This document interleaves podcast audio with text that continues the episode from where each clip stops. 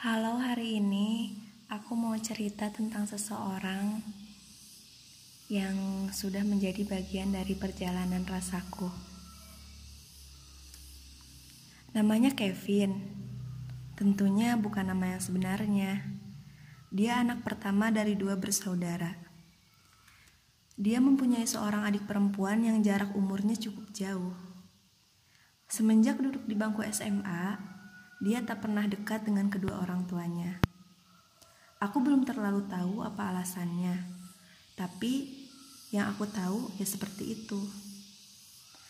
Dia lelaki berkacamata yang cukup tampan untuk dijadikan sebagai gebetan. Dan dia juga lelaki yang cukup cerdas dalam segala mata pelajaran sekolah. Ya, cukup asiklah untuk dijadikan teman diskusi. Dan yang kalian harus tahu, dia itu seniorku. Katanya masa lalunya sangat kelam, sangat-sangat kelam. Bahkan hidupnya sangat berantakan. Ya, itu yang aku dengar dari sebagian orang yang mungkin tidak menyukainya atau iri dengan kehidupannya. Ada sebuah ungkapan seperti ini. Kita tak pernah tahu rasa ini tumbuh ke mana ia akan meneduh. Ungkapan sederhana yang selalu aku yakini dari semenjak dulu. Dan ungkapan tersebut menjadi awal tumbuhnya benih-benih rasa yang ada di dalam hati ini. Karena ungkapan tersebut juga, aku percaya bahwa cinta pada pandangan pertama itu ada, dan aku pun merasakannya. Ya, Kevin adalah orang yang berhasil mengguncangkan ruang rahasia yang kita sebut hati. Dia berhasil mengguncangkan ruang rahasia itu sesaat tatapan kami bertemu di awal Moskow waktu SMA. Ya, meskipun aku tak pernah tahu jika pertemuan tersebut awal mula dari rasa sakit yang tak pernah selesai. Dia sangat istimewa, sangat istimewa. Dia tak suka banyak bicara, tapi mampu membuatku sering bertanya-tanya. Dia tak suka diperhatikan, tapi dia mampu menggerakkanku untuk selalu memperhatikannya.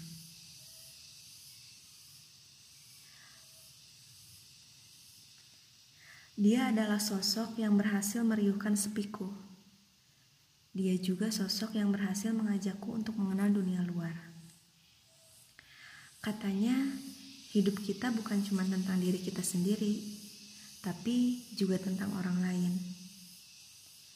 Semenjak mengenalnya, aku jadi membenarkan ucapannya bahwa memang kini hidupku dipenuhi dengan dia, bukan diriku saja. Bahkan sangat-sangat dipenuhi dengan semua hal yang berkaitan dengan dia.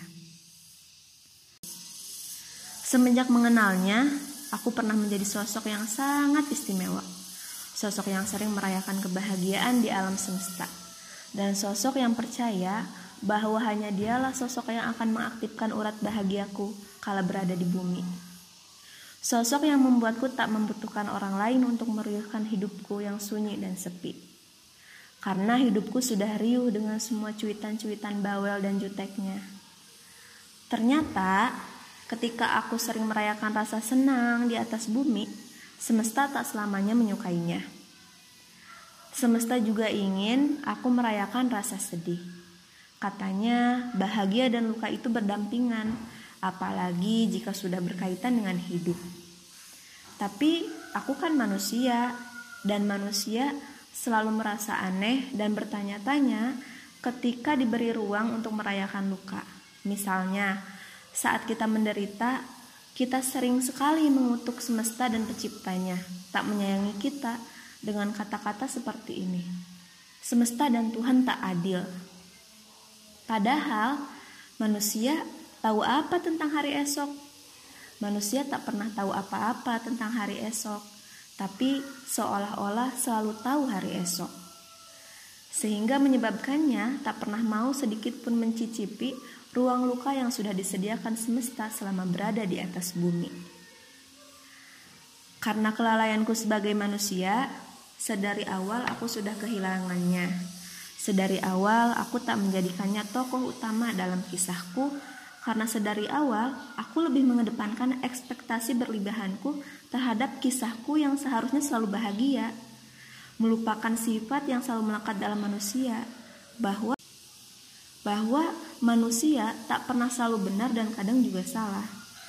Aku tak membawa sikap apa adaku dalam kisah tersebut, sehingga sehingga hanya ketika bahagia saja aku mensyukuri hidupku di atas bumi.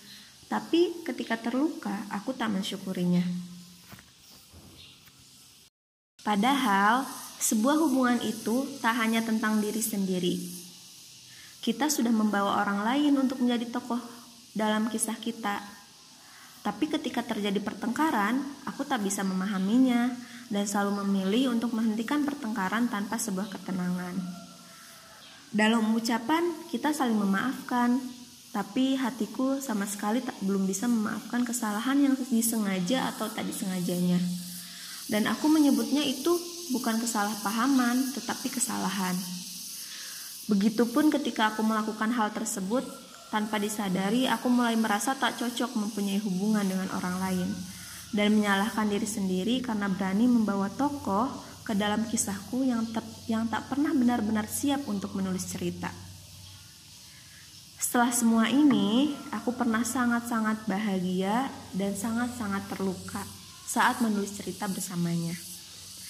Tapi kini ku sadari, meskipun dia sudah menjadi sosok cinta pertama dan akan selalu begitu dalam kisahku, tapi ternyata dia bukanlah sosok yang benar-benar mampu membawaku keluar dari duniaku dunia yang tak pernah bisa aku hadapi sendirian.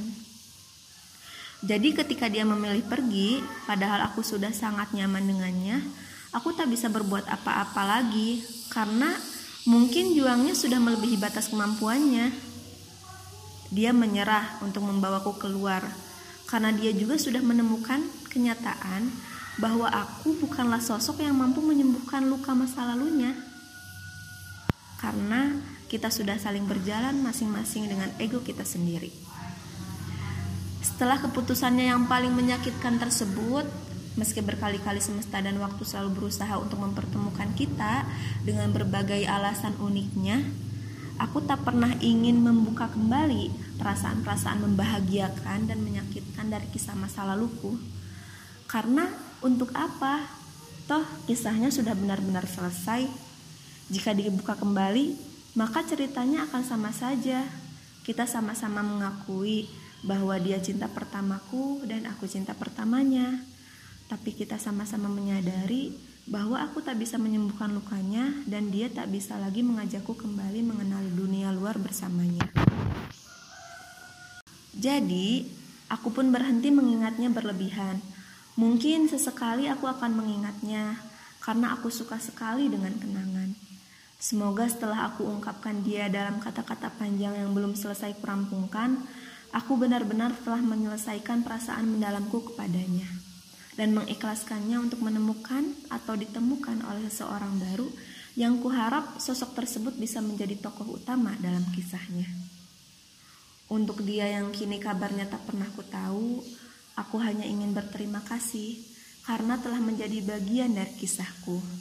Maaf Ternyata bukan aku sosok yang sebenarnya kamu butuhkan. Maaf, ternyata sedari awal aku tak bisa menyembuhkan luka dan trauma masa lalumu. Dan untuk kalian yang mendengarkan surat rahasia ini, terima kasih telah menjadi pendengar setiaku. Jangan bilang-bilang kepadanya ya.